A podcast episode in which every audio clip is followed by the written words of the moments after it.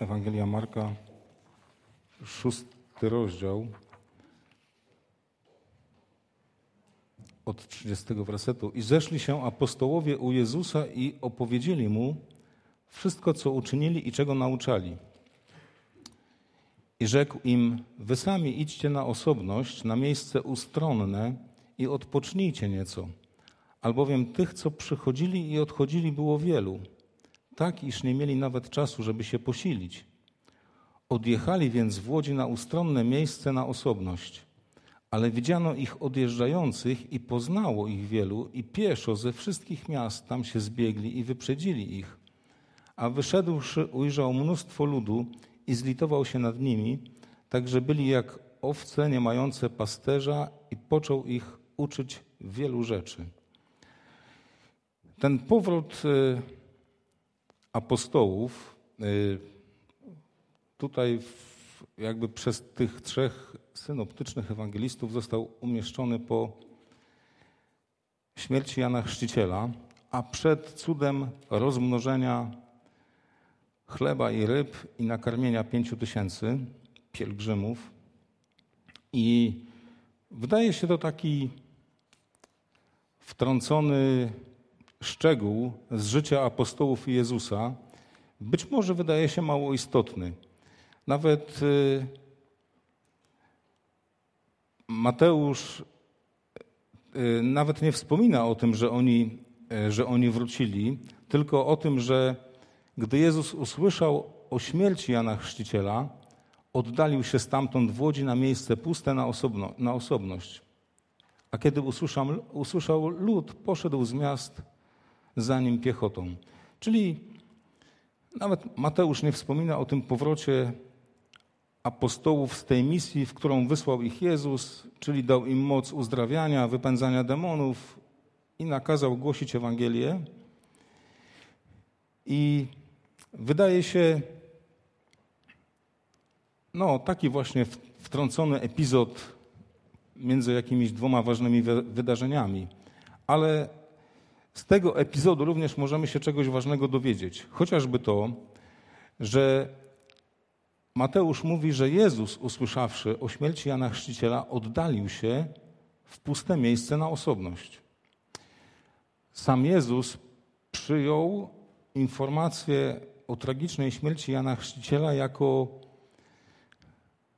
głęboki smutek, głębokie przeżycie, doświadczenie, które musiał przetrawić na osobności i wiemy, że spędził ten czas na modlitwie z Ojcem, na rozmowie z Ojcem o tym, co się stało. Więc Jezus, będąc Bogiem w ciele, pokazuje nam reakcję właściwą człowiekowi, gdy dochodzą jakieś no, przykre informacje o śmierci bliskich. E, z kolei Łukasz dodaje inny szczegół, mówiąc w dziewiątym rozdziale, w dziesiątym wersecie o miejscu, do którego się udali. I to oczywiście zgadza się z opisem potem Jana. Łukasz pisze 9:10 Apostołowie powróciwszy opowiedzieli mu o wszystkim, czego dokonali i wziąwszy ich z sobą, wycofał się na pustkowie koło miasta zwanego Betsaidą. Tylko taki jeden werset dotyczący tych, tych apostołów, którzy wrócili. Ale Marek, zadziwiające jest to, że zawarł jak najwięcej, jakby e, wśród, e, w porównaniu z innymi ewangelistami, najwięcej szczegółów dotyczących powrotu apostołów z pierwszej misji, w którą wysłał ich Jezus. Wyobraźmy sobie, że oni wcześniej byli uczestnikami cudów, które dokonywał Jezus. Widzieli, że ślepi odzyskują wzrok, głusi słyszą, chromi chodzą, trędowaci zostają oczyszczeni, że umarli zostają wskrzeszani, że demony wychodzą na rozkaz Jezusa i nagle Jezus udziela im tej samej mocy i oni doświadczają, uczestnicząc w tych cudach, sami. Bóg działa przez nich, a wcześniej widzieli, że działał przez ich mistrza. Jakie musiało być wrażenie niesamowite, kiedy wrócili pełni takiego sukcesu i pewnie mieli w pamięci mapę odwiedzonych wiosek, wydarzeń, które następowały po sobie, uzdrowień, które były pewnie niesamowite dla ludności, wśród której głosili Ewangelię, dokonywali tych cudów. Być może były tam starsze osoby, młodsze, dzieci, młodzież w różnym wieku, być może nie wiemy o tym, ale ktoś został wskrzeszony, ktoś podniesiony z paraliżu do pełnego zdrowia. Jak byśmy przeżywali takie doświadczenie, które by było naszym udziałem, moc, którą udzielił Jezus, i wracamy do tego mistrza, mając ochotę o wszystkim mu opowiedzieć. Dwunastu chłopa musiał wysłuchać Jezus, bo wysłał ich po dwóch, ale oni przyszli wszyscy, zebrali się i opowiadali o tym, czego dokonali, czego nauczali. Jeżeli Jezus był ich nauczycielem, ich mistrzem, to z pewnością, z cierpliwością wysłuchał ich tych wszystkich opowiadań. I zobaczmy, jaka była reakcja Jezusa. Jezus powiedział: Wy sami idźcie na osobność, na miejsce ustronne i odpocznijcie nieco, albowiem tych, co przychodzili i odchodzili, było wielu, tak iż nie mieli nawet czasu, aby się posilić. Czy nie zadziwia nas taka reakcja Jezusa? Ludzi jest wiele, e, tyle roboty, że nie można się ogarnąć z tą robotą. Wracają uczniowie i człowiek by pomyślał, no nareszcie chłopy wrócili, bierzcie się do roboty, patrzcie ile ludzi po prostu. A co mówi Jezus? Mówi, zajmijcie się teraz tym tłumem. Szacunek do mistrza wobec swoich uczniów wyraża się w tym, że wie, czego ci uczniowie potrzebują. Nie żyłuje ich do ostatniego tchu, tylko mówi: Dokonaliście jednego dzieła, należy wam się przerwa. Tłum w tej sytuacji nie jest ważniejszy ich potrzeby od waszych potrzeb. Jezus mówi: oddalcie się, zobaczmy, jak to wyraźnie jest powiedziane, na osobność, w miejsce ustronne i odpocznijcie nieco, albowiem ludzi jest tak wielu, że jeżeli tutaj zostaniecie, nie będziecie mieli chwili wytchnienia, nawet czasu na to, żeby spożyć posiłek. Musicie oddzielić się od tego tłumu. Musicie się schować przed tym tłumem. I wiemy, że wsiadają do łodzi i płyną z zachodniego brzegu jeziora Tyberiackiego na wschodni brzeg tego jeziora, bo do, docierają do Betsaidy, która właśnie znajdowała się po drugiej stronie tego jeziora. Czyli ileś tam kilometrów, może osiem, plus minus, płyną w tych łodziach e, z myślą, że dotrą do ustronnego miejsca. Ale Jezus zadbał o ich wypoczynek. I celem, dla którego Jezus oddzielił ich od tego tłumu, było właśnie chęć dania im jakiegoś odpoczynku. Mówi: odpocznijcie nieco. Ciekawe, że to słowo w języku greckim, które oznacza odpocznienie, brzmi anapao. Ana to jest przedrostek, a pao oznacza zatrzymanie się. Zatrzymanie, zaprzestanie, zostawienie. I ana oznacza przez czy poprzez. I on mówi: oddzielcie się w ustronne miejsce, udajcie się i poprzez zaprzestanie tego, co robiliście do tej pory, doświadczycie odpoczynku. Czyli nie da się odpocząć, pracując dalej tak, jak do tej pory się pracowało. Ciekawe, że my często mamy takie pomysły, na przykład, i myślimy, nauczyciel sobie odpocznie, jak pojedzie na kolonie. To my mamy takie wyobrażenie, że na koloniach to nauczyciel sobie odpocznie. Ale od czego odpocznie? Od dzieci? Jak chcecie dać nauczycielowi odpoczynek, to wyślijcie go na księżyc. Tam, gdzie po prostu nie ma żywego człowieka. To właśnie zrobił Jezus. My często myślimy, że odpoczynek, no sługa Boży nie ma czasu na odpoczynek, po prostu zawsze musi być gotowy do tego, żeby rękawy podwinąć i zajmować się tym, co jest akurat potrzebą w danej sytuacji. Ale Jezus tak nie postępował. Jezus mówi: Ja dbam o swoich uczniów. Ja im po prostu muszę zapewnić odpoczynek. Dokonali jednego dzieła i zanim przystąpią do kolejnego, musi nastąpić przerwa potrzebna na regenerację, na odnowienie sił. Dlaczego? Bo jeżeli ciurkiem przejdą od jednego zadania do drugiego, to nie będą efektywni, nie będą e, na tyle wydajni czy zdolni do tego, żeby wypełniać kolejne polecenia. I Jezus miał tego świadomość. Wiedział, co potrzebuje ciało, które stworzył. Wiedział, jakim słabościom jest poddane i do jakiego stopnia jest wytrwałe w tym, żeby, żeby być wykorzystywane. I mówi, udajcie się na odpoczynek. Anapało oznacza zaprzestanie tego, co było do tej pory. Zatrzymanie się, po prostu pauza. Pauza. Odpoczynek jest w, w nierobieniu tego, co do tej pory było robione. Mało tego, y, to, to słowo ma ten sam rdzeń, które ma słowo użyte, kiedy Bóg stwarzał świat i siódmego dnia jest powiedziane, że odpoczął. Odpoczął. Wiecie, co znaczy? Odpoczął katapao.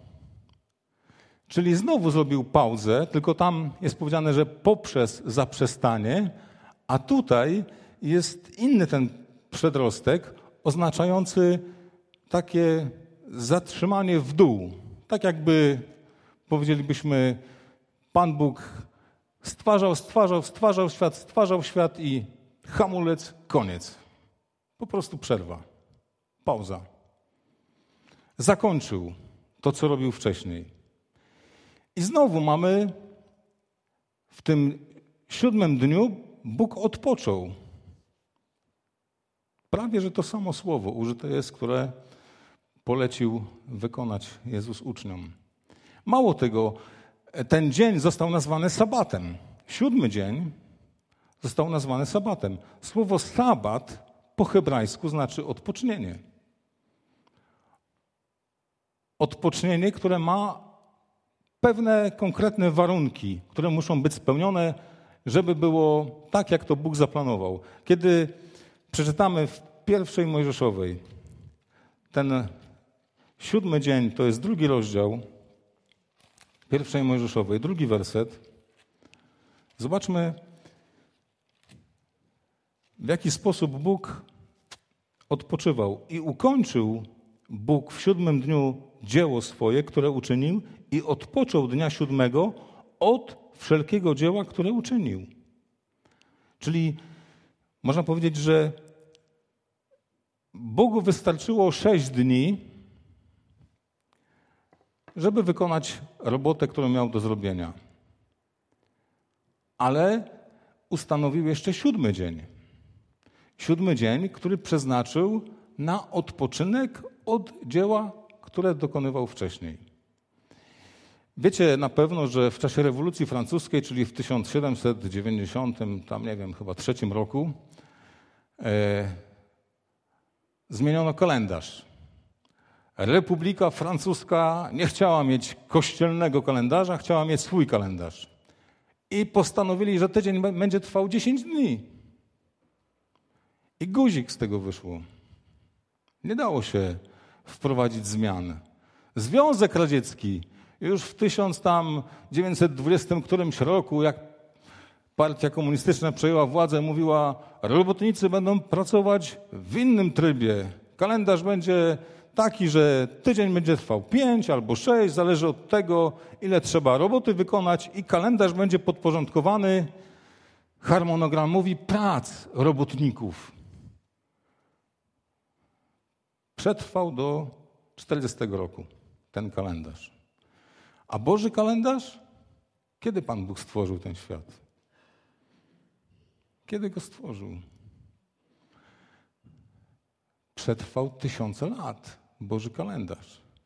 I żadna partia, ani francuska republika, ani radziecka republika nie były w stanie tego ani wydłużyć, ani skrócić, ani po prostu zmienić tego Bożego porządku. Jezus mówi uczniom o pewnym porządku, któremu człowiek jest podporządkowany, którego musi przestrzegać, jeżeli chce być w harmonii z Bożymi prawami. To, że. Czy Bóg się zmęczył, słuchajcie? Dziwne by było, żeby Bóg się zmęczył, prawda? A jednak odpoczął. Czyli zakończył swoje dzieła i przestał ich, je robić. Nie chodzi o to, że on musiał teraz pot ocierać z czoła, czy po prostu zregenerować siły, ale chodzi o to, że zaprzestał działania i jeden dzień przeznaczył na odpoczynek, na rozkoszowanie się dziełem, które stworzył wcześniej. Taki jest Boży porządek. Takiemu Bożemu porządkowi podlegamy.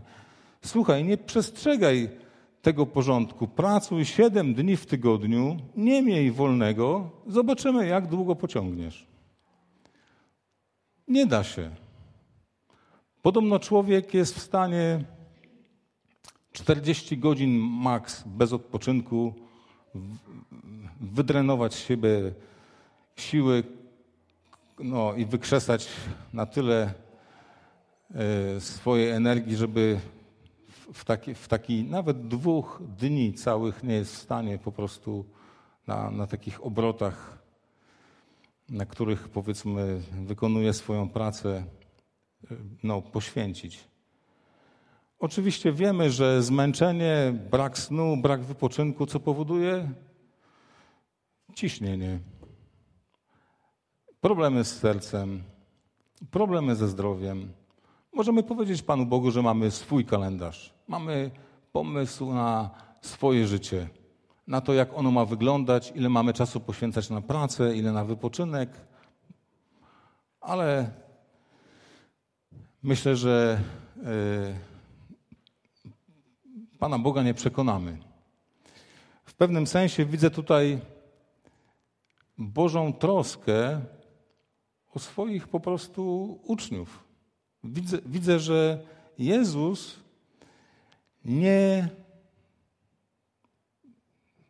podlegał jakiemuś, jakiejś presji, jakiemuś wrażeniu na tyle silnie, żeby pozbawić swoich uczniów należytej im przerwy, odpoczynku, to wynikało, myślę, że właśnie z porządku, w jaki Bóg stworzył ten świat. I kiedy wiemy, że zaplanował ten siódmy dzień jako dzień odpoczynku, to było przykazane, żeby nikt tego dnia nie pracował. Było powiedziane, ani ty nie będziesz pracował, ani twój syn, ani twój niewolnik, ani przybysz, ani wół, ani osioł, ani żadne bydle. Po prostu każdemu stworzeniu należał się dzień odpoczynku. I na tym polegał między innymi sabat. Na zaprzestaniu pracy, na nabieraniu fizycznych sił. Ale to była jedna strona oczywiście tego święta, cotygodniowego, bo drugą stroną tego święta było uwielbienie Boga. Bo, Jezus, bo Bóg powiedział, że uświęcił ten dzień i mówił, że będziesz go przestrzegał dla mnie. Do Izraelitów powiedział w Starym Testamencie, że to będzie znakiem przymierza między mną a między tobą. Poganie mogą żyć po swojemu, ale ty będziesz świętował, będziesz uwielbiał mnie, oddawał mi cześć. Tego dnia będziesz poświęcał więcej czasu niż w ten powszedni dzień na to, żeby spędzać społeczność z Bogiem. To był jakby drugi aspekt tego święta. Ale jeszcze był trzeci, bardzo ważny, myślę, że często niezauważany, ponieważ w piątej Mojżeszowej, w piątym rozdziale, w czternastym wersecie czytamy o bardzo takiej ważnej przyczynie obchodzenia właśnie sabatu. Piąta Mojżeszowa, piąty rozdział, czternasty werset. Mówi, ale siódmego dnia jest sabat Pana Twojego Boga. Nie będziesz wykonywał żadnej pracy, ani Ty, ani Twój syn, ani Twoja córka, ani Twój sługa, ani Twoja służąca, ani Twój wół, ani Twój osioł, ani Twoje bydle, ani obcy przybysz, który mieszka w Twoich bramach, aby odpoczął Twój sługa i Twoja służebnica tak jak Ty. Pamiętaj, że byłeś niewolnikiem w ziemi egipskiej i że Pan Twój Bóg wyprowadził Cię stamtąd ręką przemożną i ramieniem wyciągniętym. Dlatego rozkazał Ci Pan Twój Bóg, abyś obchodził dzień sabatu. Zobaczcie, to był dzień sabatu, upamiętniał wyjście z Egiptu. Mówi, przestałeś być niewolnikiem. Przestałeś wykonywać polecenia faraona. Przestałeś być ciemiężony, wykorzystywany i upamiętniaj swoją wolność przez uczczenie sabatu jako dnia wolnego i tego, które należy, w którym należy oddawać Bogu chwałę. Dzisiaj oczywiście w Nowym Testamencie obchodzimy niedzielę jako ten dzień święty i to jest tradycja, jaką wprowadzili chrześcijanie w pierwszym wieku, ponieważ wiemy, że Jezus zmartwychwstał pierwszego dnia po sabacie, pierwszego dnia tygodnia. Wiemy, bo niewiasty poszły do grobu właśnie tego pierwszego dnia i znalazły odwalony kamień i pusty grób. E, potem wiemy, że w dziejach apostolskich, w 23 rozdziale, kiedy Paweł przybył do Troady i zebrał się tam e, zbór, społeczność w tym mieście, która, która istniała. Dzieje apostolskie, 23 rozdział.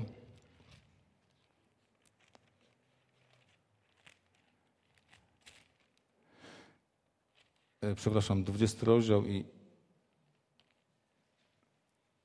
i siódmy werset, przepraszam, pomyliłem. A pierwszego dnia po sabacie, gdy się zebraliśmy na łamanie chleba, Paweł, który miał odjechać na zajutrz, przemawiał do nich – i przeciągał mowę aż do północy. Pierwszego dnia po sabacie spotkali się na łamanie chleba.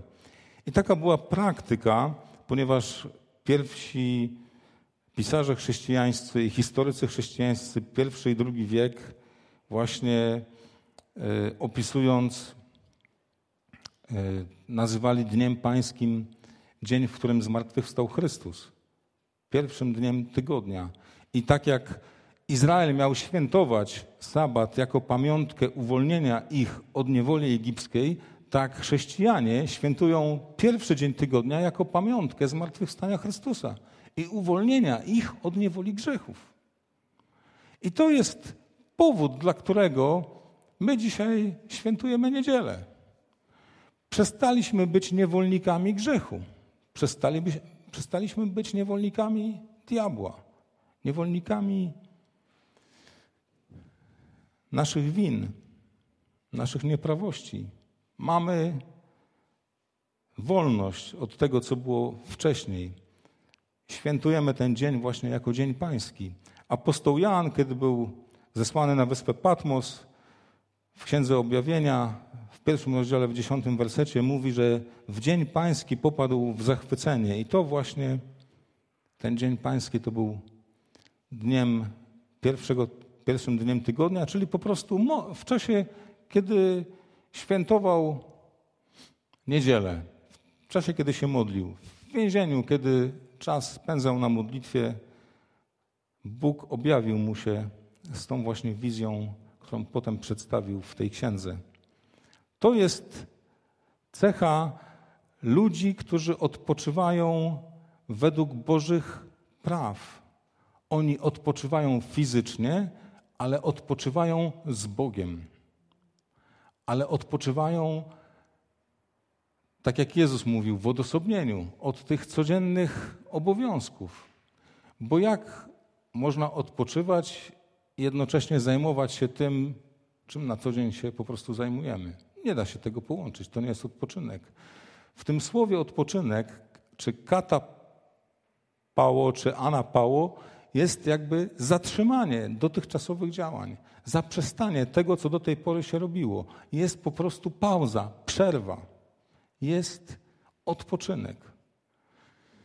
Na tym polega to, to biblijne znaczenie tego, tego słowa odpoczynek. I kiedy Jezus zlecił to apostołom, wiemy, że wcześniej dawał im przykład sam swoją osobą, że potrzebował takiego oddzielenia od tych codziennych obowiązków. W Ewangelii Marka, już w pierwszym rozdziale, czytamy o tym na samym początku, że Jezus zaraz po uzdrowieniu teściowej Piotra z tej gorączki, Marka, pierwszy rozdział, 35 werset. Potem tego samego dnia zebrało się całe miasto przed domem Piotra, żeby przynieść chorych. Jezus ich wszystkich uzdrowił, opętanych, uwolnił od demonów. Całe miasto zgromadziło się u drzwi. I następnego dnia, wczesnym rankiem, przed świtem, wstał, udał się na puste miejsce i tam się modlił. I znalazł go Szymon Piotr i reszta towarzyszy, mówiąc do niego: Wszyscy szukają Cię. I co Jezus mówi? No dobrze, idźmy. Jak mnie szukają, to trzeba odpowiedzieć na ich, na ich potrzebę. Nic takiego. Jezus powiedział: Idę w inne miejsce. Jezus nie kierował się tym, co wymuszały okoliczności na nim. Przynajmniej nie w tej sytuacji. Rzekł im, pójdźmy gdzie indziej do pobliskich osiedli, abym im tam kazał, bo po to przyszedłem. I poszedł więc i kazał w ich synagogach po całej Galilei i wypędzał demony. Nie dał się jakby, powiedzmy, tej presji tłumu, który oczekiwał, że z entuzjazmem go przywita, ugości, czy chętnie jeszcze zatrzyma Jezusa dłużej w tym miejscu. Jezus najpierw udał się na ustronne miejsce, musiał spędzić czas sam na sam z Bogiem, modlił się, a potem podjął decyzję, jaka wynikała z jego posłuszeństwa Ojcu. Tutaj możemy być w stu procentach pewni, że to, co nakazał apostołom, wynikało z Bożego posłuszeństwa. Żaden z nich zresztą nie protestował, nie, e, nie, nie wyrażał jakiegoś odmiennego zdania wobec pomysłu Jezusa.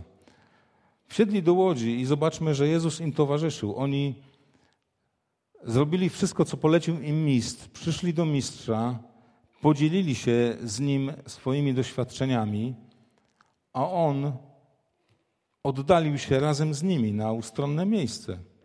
Sam potrzebował tego, kiedy usłyszał wieść o Janie Chrzcicielu. Potrzebował takiego oddzielenia od tłumu, od zgiełku, od problemów ludzi i to pokazuje nam, że człowiek nie jest jakąś e,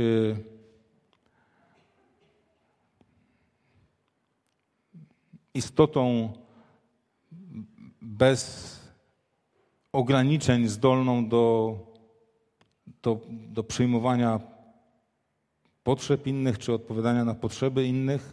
Sam Jezus potrzebował takiego miejsca oddalenia, uciszenia.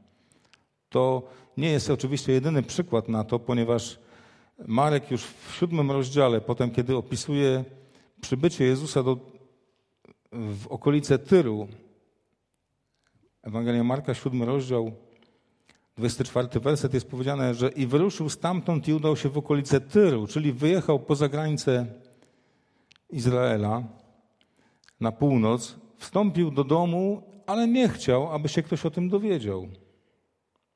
Po prostu potrzebował chwili bycia sam. Ale nie mógł jednak się ukryć. Na tyle już był znany i rozpoznawany, że zaraz tam potem przyszła niewiasta, której córka miała ducha nieczystego. Więc Jezus z jednej strony dbał o ten czas oddzielenia od obowiązków, do których Bóg go powołał, i przeznaczał czas na społeczność z Bogiem sam na sam, również jakby w uczniach chciał e, taką praktykę wdrożyć. Chciał po prostu ich nauczyć pewnej, e, no, pewnego takiego sposobu działania, który na pewno był lepszy niż e, może jakieś ludzkie pomysły na to, co, co i jak można zrobić z wolnym czasem, czy wykorzystać. Pamiętam jedną siostrę, która była matką czworga dzieci i oczywiście żoną przy okazji, jak opowiadała, jak to dzieci nie mogły się doczekać i mąż ich weekendów, na które wyjeżdżali za miasto, bo mieli tam e, w jakimś zielonym terenie postawioną przyczepę kempingową i wszyscy po prostu z entuzjazmem czekali na piątek wieczór po to, żeby spakować samochód, wyjechać do tej przyczepy kempingowej i spędzić tam weekend. Wszyscy się cieszyli oprócz matki. Dlaczego? Bo matka powiedziała, jak ja mam gotować dla sześciu ludzi w przyczepie kempingowej, w małym zlewie, na małej kuchence, na małym palniku i jeszcze po prostu obsługiwać ich e, wszelkie te potrzeby małych dzieci, jakieś higieniczne, to ja wolę to robić w domu. Dla mnie wypoczynkiem jest spędzić weekend w domu, bo mi jest łatwiej. Ale ludzie myślą, że matka ma przyjemność z tego, że będzie na trawce myła naczynia w misce że to zapewni jej wypoczynek. I my mamy takie pomysły na to, jak komuś swoim kosztem po prostu zafundować wypoczynek. Y, nie, nie skarżąc się oczywiście, y, kiedy jesteśmy, zdarza nam się to rzadko, ale w innym zborze, i kiedy nas spodziewają się, że przyjedziemy i poproszą, żebyśmy się tam czymś podzielili, to oczywiście sobota jest wyjęta z tego wypoczynku, bo ja nie potrafię skupić się na niczym innym, Ania świadkiem. Jeżeli mam coś do zrobienia w niedzielę, chociażbym nie wiem, co robił w sobotę, nie jestem w stanie po prostu nie myśleć o tym, co będę robił w niedzielę. I to nie chodzi o to, że do południa, czy po południu, czy wieczorem, po prostu cały dzień. I czasami tak komuś się wydaje, no to przecież ty masz się czym podzielić, chłopie. No oczywiście, że mam ale mnie to nie puszcza, że mam i już po prostu plaża. Tak nie jest. I czasami właśnie ktoś wpadnie na taki pomysł. Wyjedź se chłopie, zapraszamy cię na weekend, odpoczniesz, podzielisz się tylko słowem, jeden wieczór, jeden poranek i byliśmy na takich weekendach. I Ania mówi, ja już bym wolała żebyś ty nigdzie nie wyjeżdżał, jeżeli to ma być nasz wypoczynek. Po prostu. W takim sensie, w takim sensie. Ale nam się wydaje, że coś jest po prostu. No, apostołowie wrócili, słuchajcie, pełni entuzjazmu. Diabły wychodziły, ślepi widzieli. I Jezus mówi: Patrzcie, ile ludzi na was czeka. No to się do roboty, chłopy, bierzcie. Macie praktykę do dzieła. Czemu tak nie powiedział? Czemu nie postąpił w taki sposób? Bo wiedział, że tak się nie da. Bo sam wiemy, że żył w ciele i podlegał jego słabościom, ograniczeniom, że usiadł zmęczony przy studni w Samarii, w południe, że na łodzi w czasie burzy spał. W czasie burzy łódź miotana falami, zalewana, zmęczenie jego do tego stopnia było tak duże, że nie był w stanie po prostu się obudzić. Myślę o tym dlatego, że być może nie bierzemy pod uwagę naszych własnych ograniczeń i możliwości.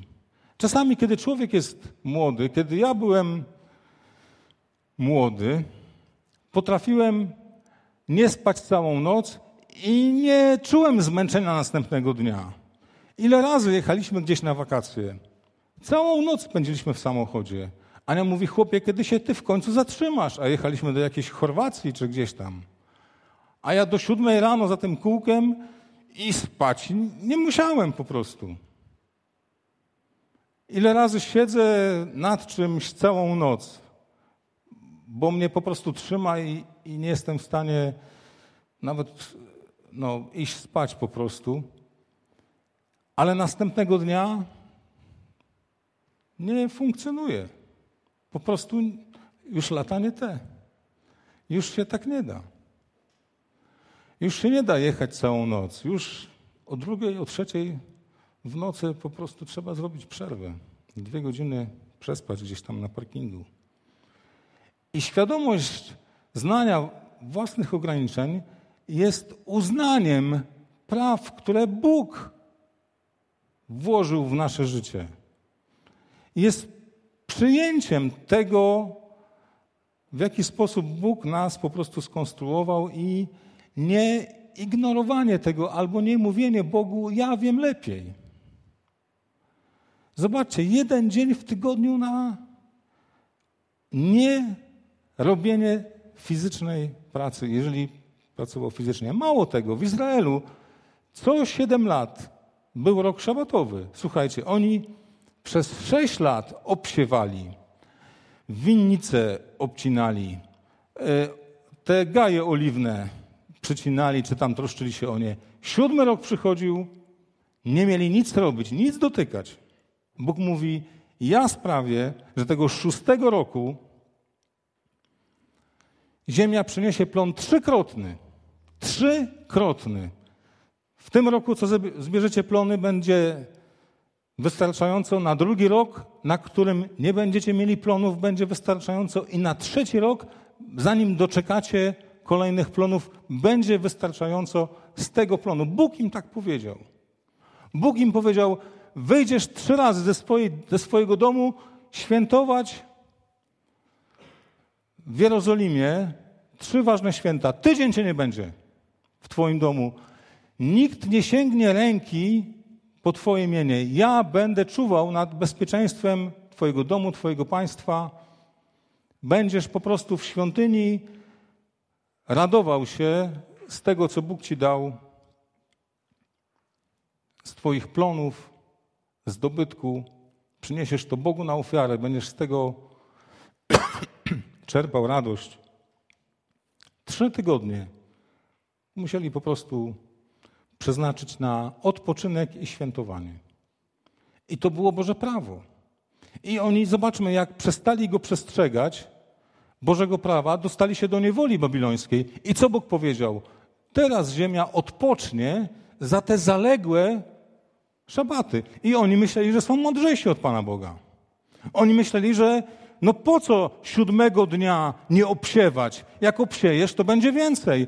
Po co nie pracować siódmego dnia? Jak można więcej w skarpetę napchać niż tylko przez te sześć dni? Oni byli mądrzejsi od Pana Boga, ale tylko do czasu.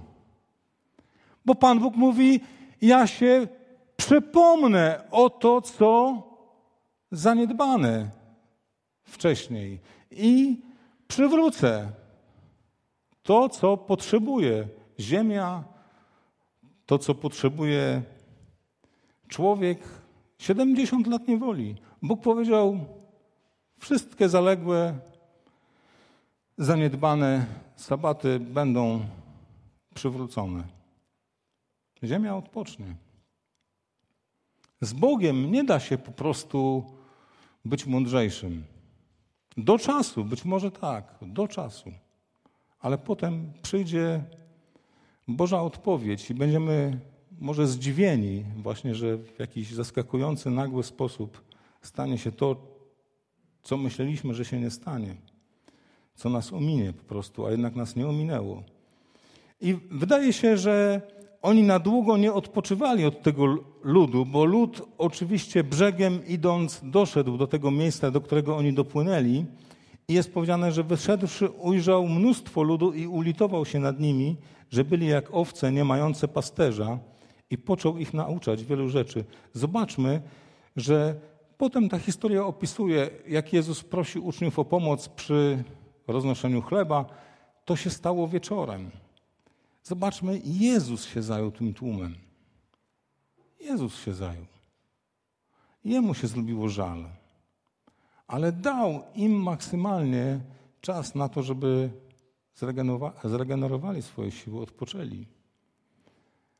Że no, jakby zaistniała sytuacja, w której trzeba było przyjść z pomocą temu opuszczonemu ludowi, skoro oni przyszli do miejsca odosobnienia, gdzie nie było chleba, możliwości zaopatrzenia się w żywność, Jezus po prostu odpowiedział na tą potrzebę, ale w, pewien, w pewnym sensie jakby uszanował uczniów i bardzo cenne w oczach ucznia, myślę, jest to, kiedy Pan jego dba o jego potrzeby po prostu. Nie czuje się wykorzystywany ponad siłę, nie czuje się niewolnikiem, nie czuje się e, jakimś narzędziem, przedmiotem, tylko osobą po prostu. Osobą, która ma swoje potrzeby, ma swoje ograniczenia, ma swoje słabości i, i Bóg zna kres możliwości człowieka. To jest cecha naszego Pana Jezusa Chrystusa, którą przejawiał w trosce wobec swoich uczniów. Myślicie, że On tej troski nie przejawia dzisiaj wobec nas? Myślę, że przejawia. Myślę, że dokładnie wie, jaki jest kres wytrzymałości każdego z nas i, i być może daje jakieś właśnie wskazówki, znaki, by podporządkować się Jego woli, a nie własnym jakimś rozwiązaniom czy presji, może potrzeb wokół ludzi. Myślę, że dokładnie sytuacja może się dzisiaj powtarzać w życiu każdego z nas. Jezus troszczy się o, o stan nie tylko duchowy, ale i fizyczny tych, którzy mu służą. Bierze wszystkie ograniczenia pod uwagę i je po prostu respektuje. To jest Bóg.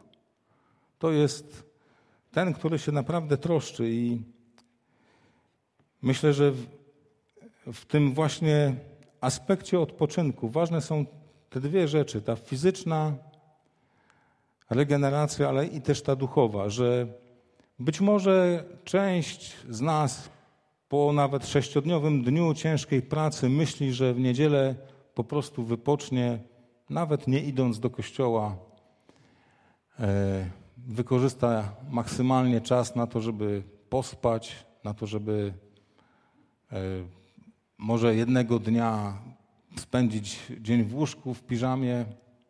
I to jest niestety zwodnicze myślenie.